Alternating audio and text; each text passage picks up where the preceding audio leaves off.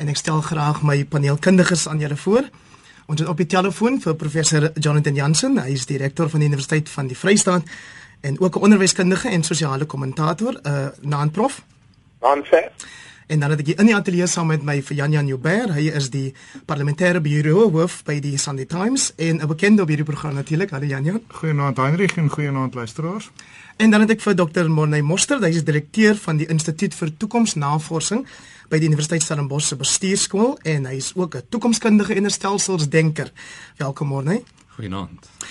Nou die drie hoofstories wat ons vanaand onder bespreking gaan neem is die ANC se 8 Januarie verjaardagverklaring wat gister in Rustenburg in Noordwes deur president Jacob Zuma voorgedra is. Ons gaan ook praat oor die 2015 matriekuitslae wat die afgelope week bekend gemaak is en dan praat ons oor die rasserstorm wat die land tans warm onder die kraag het. Jan Jan, as ek met jou kan begin, ehm um, gee vir ons 'n opsomming van wat die president gister gesê het daar in Bokeng. Ja, daar by die Koninklike Bafokeng in Rustenburg het die president sy jaarlikse openingstoespraak van die jaar gehou en dit dien ook as 'n tipe van 'n rigtingwyser vir wat ons in die staatsrede en in die politiek van die jaar kan verwag. Nou ek het gedink daar was vyf goed waarby hy stil gestaan het en een ding wat hy baie baie hard vermy het. Die eerste was dat ons gesien het oor justisie dat hy gepraat het van 'n lawfare wat um, speel op die Engelse woord warfare. Um hy het daar bedoel mense wat die hele tyd die regering hof toe neem oor wetgewing wat mense meen nie behoorlik nagegaan is nie en wat die parlement ontwrig en daai tipe ding. Nou, ek dink ons gaan baie daarvan sien vir al die 11de Februarie wanneer die parlement begin, maar wat die voortdurende hof toe gaan aanbetref, dink ek hy moet hom 'n bietjie afvra hoekom dit gebeur en hoekom die oppositie en die mense wat hom hof toe vat die hele tyd die hofsaake wen. Tweedens het hy gepraat oor onderwys, professor Jansen se spesialiteitsgebied. Hy het gesê dat 4,5 miljard rand ekstra gegee gaan word vir hoër onderwys. Dit volg natuurlik op verlede jaar se moeilikhede op die universiteitskampusse. En dan derdens het hy gepraat oor grond. Hy het gesê grond in Suid-Afrika is gesteel en nie gekoop nie. Nou daar dink ek het hy werklik 'n vleuer opgestuur om te kyk hoe die politieke wind gaan waai sodat hy gaan kyk hoe die establishment en die landboukenners en die landbouleiers gaan reageer op hierdie taamlik veglustige stelling. Vierens het, het hy gepraat oor rasisme waaroor ons ook later gaan praat. Hy het gesê daar's mense wat steeds hunker na aparte geriewe, klaarblyklik na aanleiding van die sosiale media storms. En dan het hy vir die plaaslike regeringsverkiesing die hoofpunte gemaak wat die ANC sekerlik gaan jaag. Dis om mense eerste te stel, diensverskaffing uh, ook belangrik te ag, goeie regering daar te stel, behoorlike bestuur en sterk instellings te bou. Ek dink diegene wat dink die ANC doen dit reeds sal seker weer vir hulle stem en diegene wat nie so dink nie seker vir die oppositie. Dan het hy een ding uitgelaat en dit is hy het nie vir ons gesê wat het in sy kop gebeur toe hy vir Nhlanhlaneni afgedank het nie, maar hy het later in 'n ETV onderhoud gesê hy dink die mense het bietjie geoorreageer daarop. Nou kom ek vra vir jou Morne Mostert, het jy ook verwag dat hy enigsins iets sou sê oor die afdanking van Nhlanhlaneni? Ek moet sê ek het 'n bietjie opgewonde geraak aan die begin van sy gesprek toe hy gaan praat het oor die bewustheid wat hy het van eksterne mense, mense in die buiteland wat kyk na die ehm uh, na die uitsending en dit het dit het my laat dink hy gaan 'n hele klomp belanghebbendes uh oorweeg in elk geval in sy in sy uh, rede en hy het dit tot 'n sekere mate eintlik baie goed gedoen. Hy het uit 'n klomp uit gaan kyk na die na die vroue liga, uit gaan kyk na die jeugliga. Hy het verwys na die sakeomgewing en 'n en 'n wye verskeidenheid belanghebbendes en ek was eintlik baie verbaas daaroor. Dit het my eintlik laat dink dat hy wonder of daar nie 'n klomp rolspelers is wat dalk in die volgende jaar geraadpleeg moet word nie. Dis amper asof hy nie die tipe selfvertroue gehad het wat ek gedink het hy wou hê nie. En ek sou redeneer dit gee vir mense wat uh vir hom 'n moeilike tyd wil gee in die volgende jaar eintlik 'n paar goeie tekens. Uh, dit is interessant geweest dat die rapport verwys na hierdie rede as 'n uh, 'n teken of 'n eerste teken van dat hy nou hierdie nuwe gedagte as 'n flou makou president of leier aangeneem het. Jonathan Jansen, wil jy dalk iets daaroor sê? Nee, nee eintlik ek meen die die die groot ding is natuurlik hy praat met sy basis, né? En soos die Amerikaners sê, hy gaan rooi vleis uitgooi, jy weet, en en probeer om jy weet sy basis te versterk seker te maak dat ehm um, met die verkiesing in gedagte dat hy nog redelik in die ANC uh, spesifiek nog redelik sterk betoon en so aan. So jy weet uh, ek het glad nie verwag dat hy met 'n breër gesprek voor 'n dag sou kom wat eintlik praat met ons as burgers, jy weet, uh, want soos jy reeds weet, uh, die ANC kom ons voor die land. Dis waar jy terwyl nou nie rooi vleis uitgedeel is, was daar gesukkel ek het my met die wateruitdeling, maar ehm um, hy het daarom ook soos Janja nou nou tereg opgewys het, verwys na meer geld vir hoër onderwys. Ek is seker dis iets wat jou opgewonde sal maak, Jonathan Jansen. Glad nie. Jy weet die probleem is nie meer geld nie, die, die probleem is genoeg geld, jy weet. Uh so as jy kyk na die ehm um, die NSFAS uh, toekennings dit het eintlik elke jaar gestyg, jy weet. Die probleem is daar is baie meer studente wat eintlik uh, kwalifiseer uh om op universiteit te swat en daar is nie genoeg geld nie net vir die nuwe studente ons het nou weer gekyk dat net in getalle ons praat nie van persentasies nie net in getalle het die uh, aantal studente wat nou kwalifiseer vir universiteit met B uh slaagsyfers eintlik uh gestyg, lelik gestyg. En om vir daai studente plus die ouetjies wat in 3, 4, 5 jaar grade is, voorsiening te maak, is daar nie genoeg geld nie. En en en so ons verwag moontlikheid juis omdat uh jy weet uh, daar nie uh genoeg geld beskikbaar is nie en, en en dit sal wys as ons nou ons begin nou reeds studente registreer soos jy weet en en en en dat sal baie studente weer gesê het as net nie geld nie. So die die die die bedoeling is goed, jy weet, maar ons het 'n hele nuwe bestel nodig in terme van die finansiering van hoër onderwys. Maar net om elke jaar te sê as meer geld bedoel eintlik niks sonder om te praat van die getalle wat bedien moet word nie verseker ons gaan nou nou natuurlik bietjie meer praat oor die matriekuitslae en daarbey aangesluit die kwessie van hoër onderwys. Jan Jan, jy het die grondkwessie op jou lys gehad. Ons almal weet die EFF het baie hard geraas gemaak daaroor tot nou toe en dit word amper beskou as 'n manier om hulle soort van jy weet voor te spring dat hulle juis nou in die komende plaaslike verkiesings nie te veel hamer daarop nie, maar dat die ANC self gesien word as dat hulle self besorgd is daaroor. Ja, ek dink die president um probeer die EFF se klere steel oor grond. Ek dink nie hy gaan daarin slaag nie. Dit was maar 'n taamlike taamlike 'n powere poging van sy kant af om 'n bietjie vuur in die in die harte van sy mense te plaas. Ek meen hy het bietjie probleme gehad in elk geval. 'n Klomp wou nie vir hom luister nie. Hulle het sommer gewaai en dan was daar ander wat hom ontwrig het. Ek meen Rustenburg is baie baie naby aan die hartpuls van die EFF op Marikana, 'n gebied wat hy nie kon besoek die week nie want die spioene het vir hom gesê nee, kyk, hier gaan jy moeilikheid optel. So toe sê hy nee, grond is nie gekoop nie, dis gesteel veglustige stelling soos ek sê diegene van ons luisteraars wat 'n belang het daarbey dat daar stabiliteit in die landbou en in die ekonomie moet wees met miskien maar van hulle laat hoor in die afgelope van die volgende 3 weke voordat die staatsrede geskryf word. Maar wat grond aanbetref ek dink hy's te laat om op daardie kwessie te kapitaliseer vir die ANC Natuurlik het ons die EFF gesien wat reeds op die plattelandstelsel van die ANC probeer inbeweeg deur die tradisionele leiers aan hulle kant te kry. Hulle was gister in Oos-London om te gaan kuier by daai kriminele Tembo koning wat in die in die tronk sit daar op Fort Glamorgan en nou in die hospitaal is want hy wil nie die tronk pap eet nie. Ek seker jy sal ook lus gewees het daar voor die Jan Jan. Ek hoop nie ek moet dit ooit eet nie. Heinrich, jy weet daar's maniere om uit die tronk uit te bly en die eerste daarvan is om jou te gedra. Nou ja, Monne Mostert, jy is ook 'n toekomskundige en jy werk met met uh, kwessie soos grond, ehm um, landbou, voedselversekering en dis meer. Ehm um, wat, wat wat sien jy uit is is moet die fokus wees op die verspreiding van grond of moet daar op 'n ander manier gekyk word na wat met die grond gedoen word uiteindelik? Wel AGS het uh, op 'n nuwe uitvoerende hoof uh, om nie van seil en hy het 'n hele paar idees oor hoe mense bietjie meer prakties te werk kan gaan.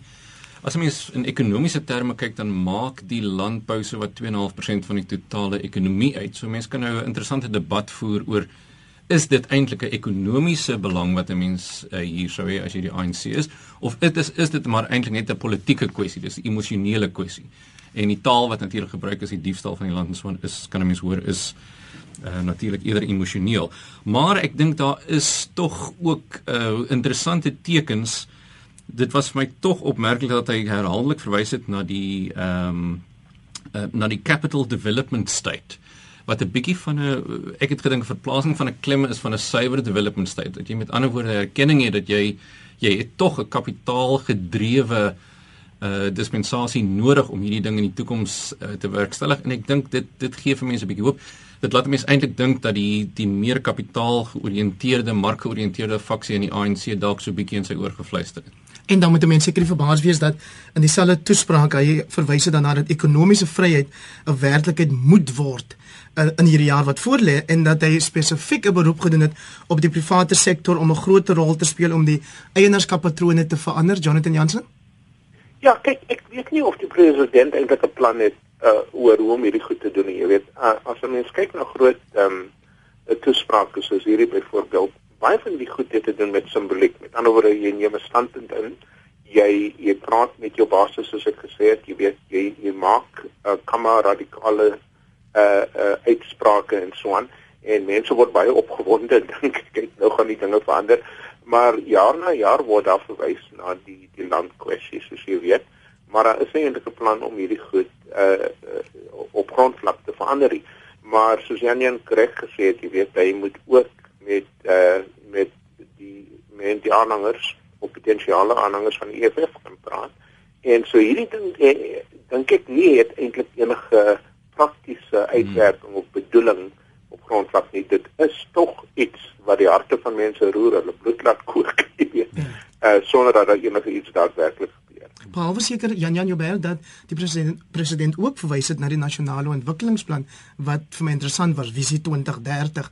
Dit is tog 'n plan tot hoe mate dit uitgevoer gaan word, weet ons nog nie, maar wat lyk vir my partykeer meer na 'n verskoning. Jy weet as die as die regering uit idees uit hardop aan sê hulle maar hulle het nog die nasionale ontwikkelingsplan, maar nou sien ons nie veel daarvan eintlik teregkom nie. Ek wou net oor grond een ander ding gesê het wat ook baie emosionele gevoelens um laat ontstaan en dit is dat die president het standpunt ingeneem weliswaar net in 'n enkele sin maar teen plaasmoorde van sowel boere as werkers. So daar's baie mense wat altyd kla um dat hy sê nie genoeg daaroor nie. Hy het daarna verwys en hy het daai punt gemaak. Fantasties. Kan ek jou vra oor twee ander ehm um, kwessies of of nuusberigte wat daar uit ehm um, Rustenburg uit uh, ons bereik het? Die een is natuurlik dat die joernalis Karin Du Plessis in die moeilikheid gekom het omdat sy ehm um, verwys het na pentipreneurs en en tenderpreneurs.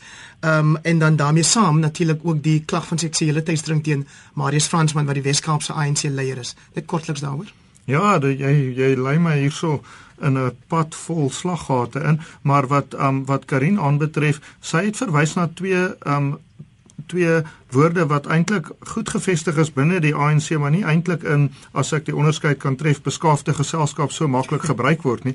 Die eerste is tenderpreneurs, dis mense wat ryk word deur um deur deur tenders te bekom op op taamlik ongewone en slegte wyse en die ander woord wat jy reeds gebruik het verwys na jong dames wat um meen dat die pad boontoe um partykeer op 'n onetiese manier um loop en hulle self partykeer baie um hoe sal ek sê lastig maak by hierdie ANC geleenthede en enige iemand wat dit al um moes dek um daardie ANC geleenthede dis sal weet waarvan sy gepraat het. Maar toe die ANC baie kwaad geword en die woorde wat hulle baie lief is om te gebruik in hulle private gesprekke toe dit nou uitkom toe hulle bitterlik ontevrede en toe die arme Karine rasis. Nou ek ken Karine Du Plessis goed en sy het nie 'n rassistiese bene na haar lyf nie. So dis sommer onsin.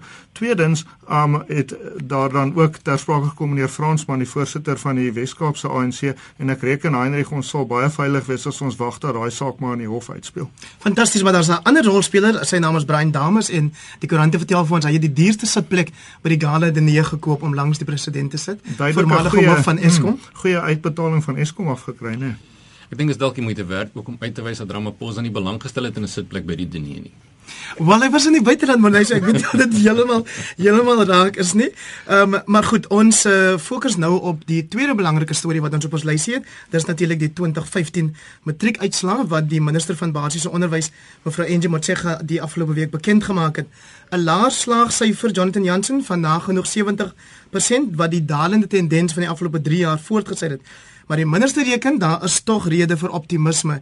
Jy het in jou eie skrywe gesê jy um, as ek dit nou durf sê jy het 'n teenstrydige siening van hierdie saak. Vertel 'n bietjie vir die luisteraars en vir ons.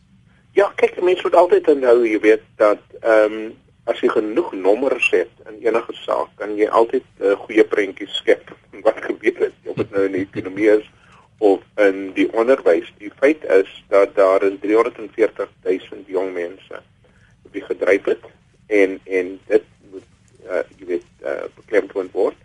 Tweedens daar's 65000 studente wat drypelinge was in graad 11 wat deurgesit is na graad 12 en en en dit het natuurlik die getalle opgestoot uh van die wat skryf. En dan soos jy reeds genoem het, jy weet dis nou die tweede jaar wat die slaagsyfer afgeneem het en dit sal uh soos verwag word weer volgende jaar afneem. Nou hierdie uh is tendense wat vir jou sê die stelsel, die stelsel, ons praat nie net van graad 12 nie.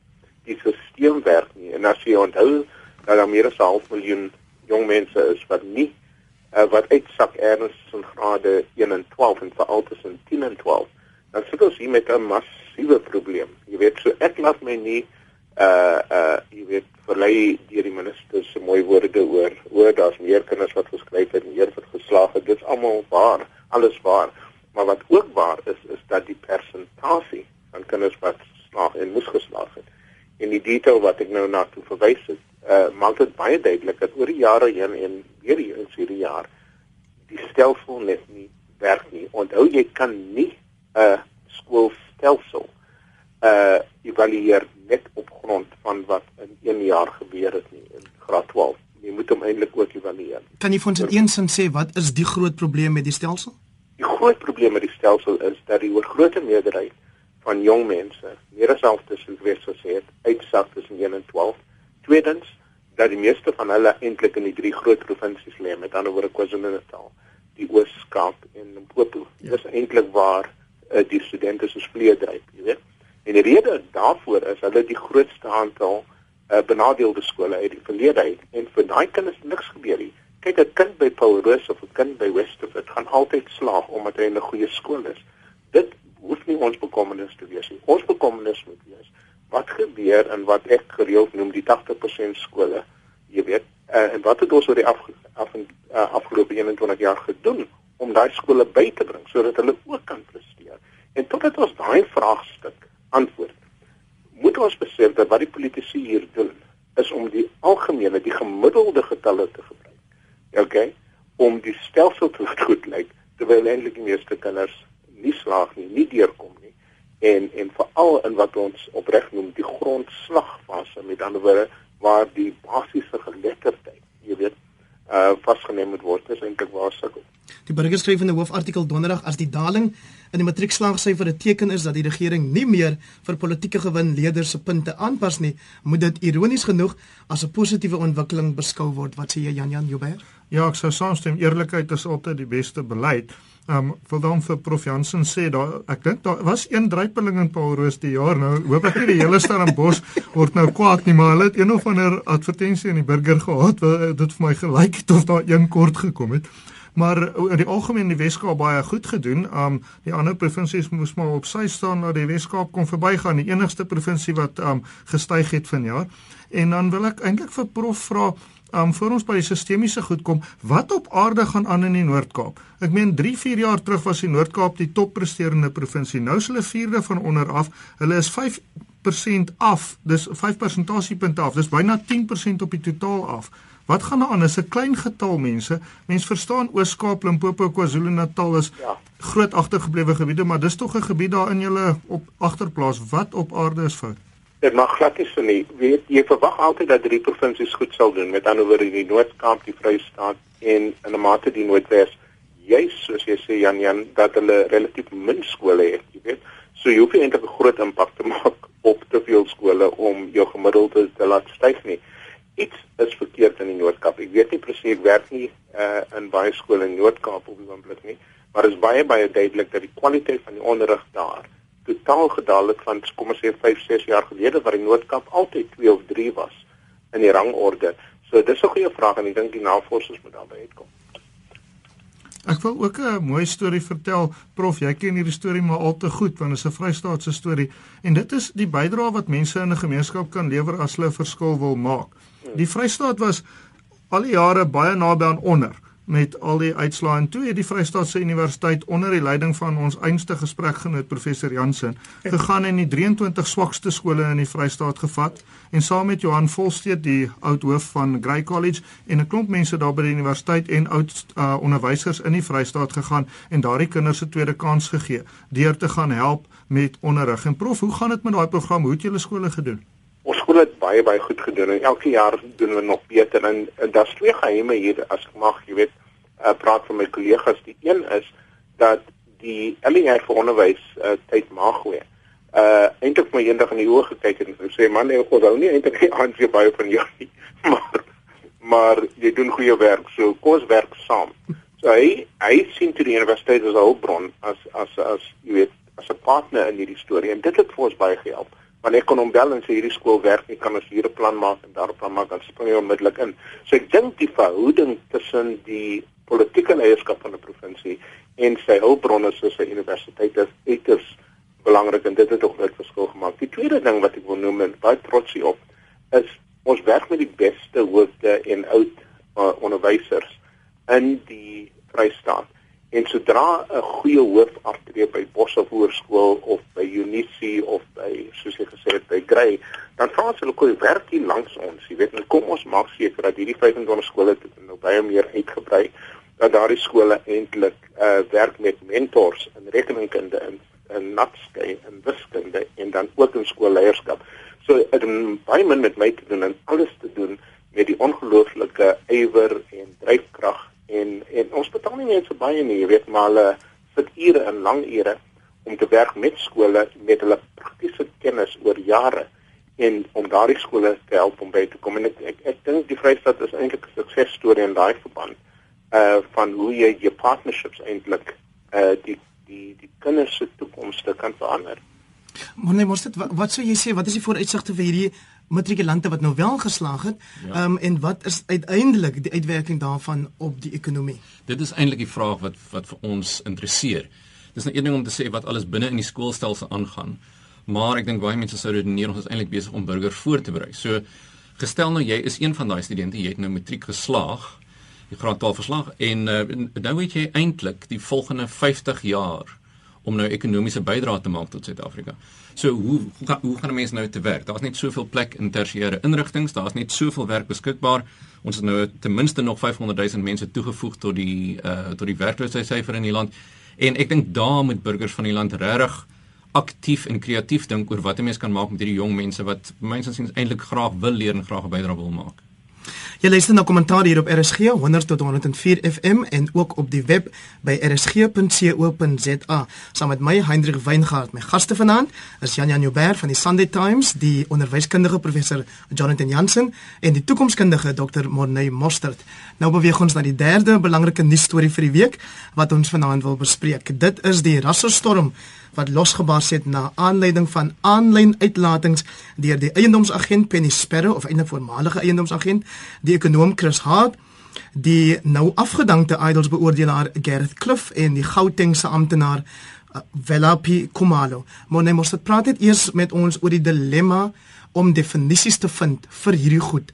Sê nou maar rasisme teenoor haatspraak teenoor byvoorbeeld xenofobie en so aan. Presies. Ja, ek dink dit kan problematies wees, maar ek dink 'n mens moenie die problematiek gebruik om daar verby te kom of om weg te kruip daarvoor nie.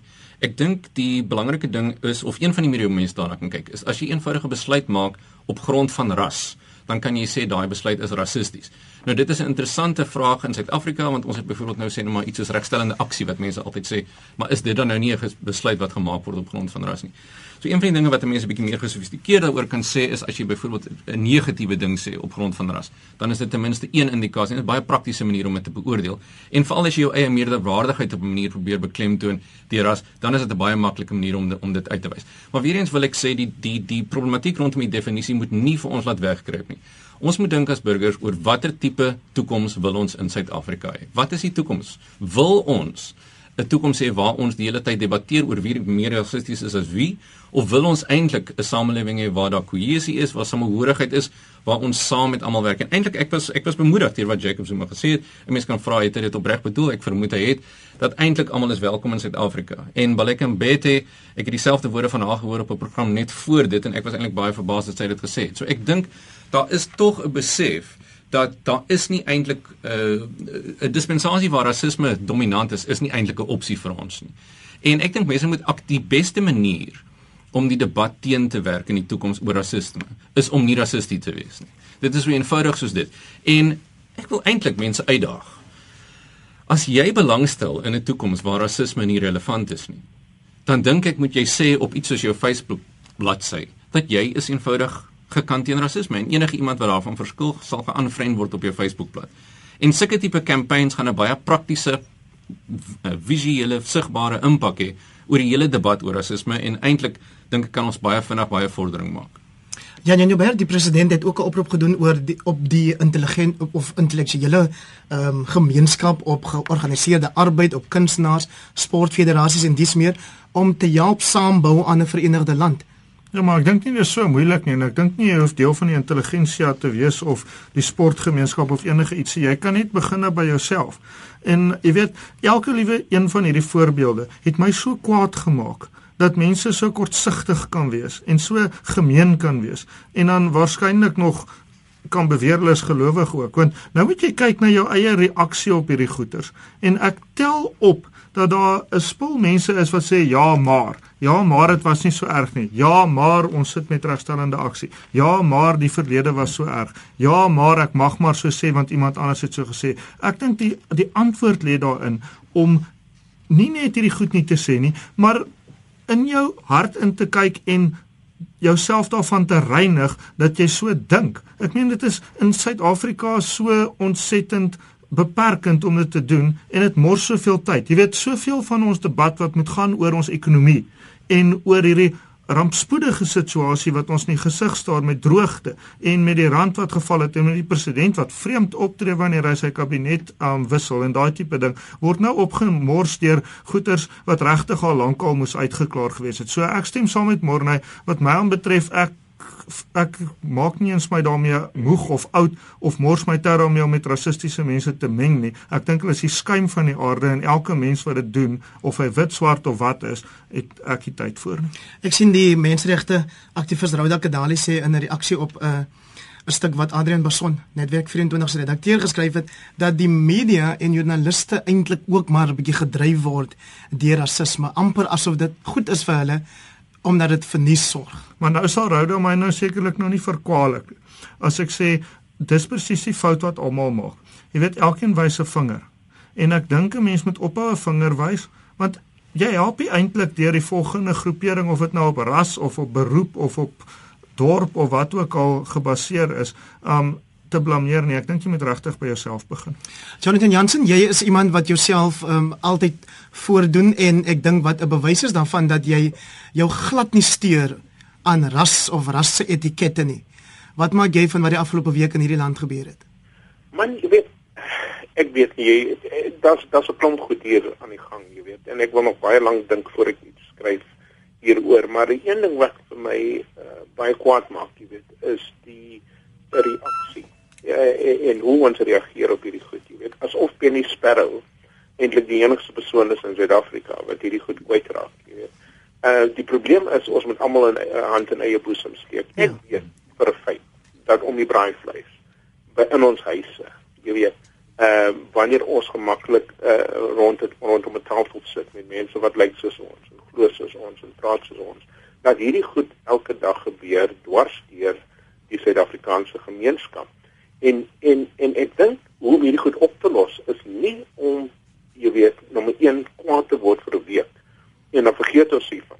Jy weet of tweedens te praat oor wetgewing om hierdie goed te kriminaliseer nie. Jy weet daai tipe goed uh uh gaan niks verander in die land nie. Ons moet hier vra in ons families wat wat, wat sê ons oor swart mense of oor gay mense of oor jy weet uh roomse mense of oor jy weet wanneer ons as 'n familie om die tafel sit. Hoe praat ons oor vroumense? Hoe praat ons oor swart mense as ons om die draaivuur sit. Wat sê ek as 'n pa as ek met my kind, my kinders in die karre en 'n taxi skiet hier voor my in? Wat is die eerste ding wat ek sê? Sê ek is 'n ou wat sy balans verloor het of praat ek jy weet oor die persoon se identiteit?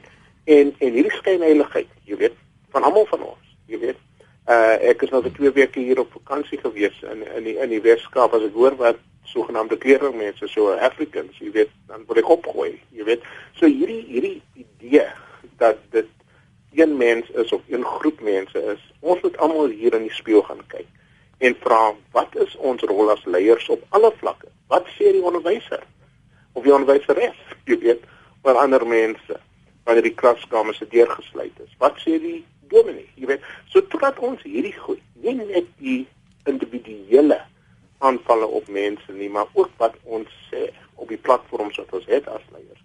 Daai tipe goed sê vir jou is nog nie opgelos in ons land nie. So kort om om om om vinnig kwaad te word en te praat oor jy weet hoe ons mense gaan bykom en almal daai goed uh is 'n Suid-Afrikaanse tendens veral in die reaksie op die sosiale media wat ons nêrens gaan lei nie. Dit is tyd vir leierskap van die president van die land tot die pa en ma in die huis, jy weet om hierdie goed reg te stel sodat ons 'n meer belowende en ek wil net nog een ding sê. Seker. Ek reis gereeld in die nege provinsies, praat by uh kerke en skole en, en gemeenskappe. Ek sê nou vir jou uh Heinrich, die oorgrootste meerderheid van ons mense is ordentelik.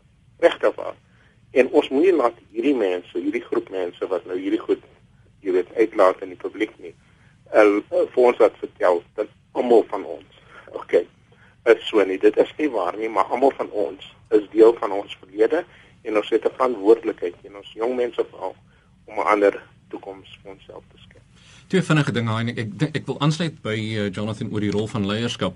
Waar waarteen ek dink ons moet waak is hierdie gedurende roep vir een of ander katarsiese proses waardeur ons nou almal moet bely hoe verskriklik rassisties ons almal eintlik is en dan kan dan eers kan ons uit vorentoe beweeg. Dis eintlik 'n ding wat die ANC geweldig goed pas. Dat mense nou sê maar eintlik hierdie ding het nog bene, jy weet, dis nog jare se werk wat hier gedoen moet word. Ek dink 'n mens moet nou aanbeweeg en, en ek dink daar is die kan ek kan die debatte sien in allerlei rigtings, maar ek dink ons vraag moet wees wat wil ons hê? Eerder as waar kom dit? Nou? Dis eintlik 'n baie klassieke westerse sielkundige benadering om te sê wat is nou hier onderliggend? Jy weet, waar kom die pyn nou alles vandaan? En ja, dis een benadering, maar ek dink as 'n mens dink oor die toekoms, kan jy ook 'n soort van ontwerpgebaseerde toekoms hê. Met ander woorde, jy kan dink, wat wil ek eintlik hê? Waarna soek ek? En daar dink ek leiers speel 'n groot rol. En dan wil ek net een vinnige ding hier opsê en soveel as wat ek dink ons moet dit hierdie ding debatteer, dink ek ons moet ook ook net sê ons moet versigtig wees dat ons nie eh, wetgewing gaan skep wat vryheid van spraak gaan inperk nie. Dit gaan dalk 'n interessante balans wees. Dit beteken nie dat rasisme aanvaarbaar is nie. Dit is nooit aanvaarbaar nie. Maar ons moet tog net kyk wat beteken dit vir vryheid van spraak want as dit gaan beteken 'n mens mag nie iemand kritiseer byvoorbeeld in 'n publieke forum nie, dan kyk ons na die Sowjetunie. Ek is bly jy raak aan vryheid van spraak want ek wil juist dat Jan Jan Joubert iets daaroor sê. Nie noodwendig oor die wetgewing nie, maar daar is tog iets te sê oor die feit dat mense lyk my nog nie heeltemal weet hoe om met hierdie reg tot vryheid van spraak om te gaan nie. Ja, daar's twee um dink ek uh, produktiewe voorstelle, konstruktiewe voorstelle wat gekom het van die ANC en die EFF onderskeidelik. Die ANC kyk na die Duitse wetgewing wat spesifieke beletsel plaas op die bevordering van fasisme of nazisme en op die ontkenning van die Jode volksmoord, die Holocaust. Um en die um en die hulle kyk daarna dat jy in Suid-Afrika vir rasisme 'n spesifieke um deel skep wat dan inval by ons grondwetlike beletsel op haatspraak. Ek het aanvanklik gedink dit is te erg, maar om dood eerlik te wees na die afgelope week dink ek die mense wat die tipe ding doen moet nou maar aan die bek geruk word. Hulle wil duidelik na 21 jaar nie hoor nie, nou moet hulle dalk maar voel. En dan die tweede ding wat die EFF voorstel wat ek dink 'n uitstekende voorstel is, is om die criminal injuria wetgewing so uit te brei dat dit nie meer net na individue verwys nie, maar ook na groepe. Met ander woorde dat jy die die um criminal injuria wat op hierdie stadium slegs um jy weet die wet oortree word as jy na 'n individu spesifiek verwys, dat dit ook na groepe verwys. Ek dink hulle gaan net baie moet oppas dat hulle nie self in daai slag gaan trap nie.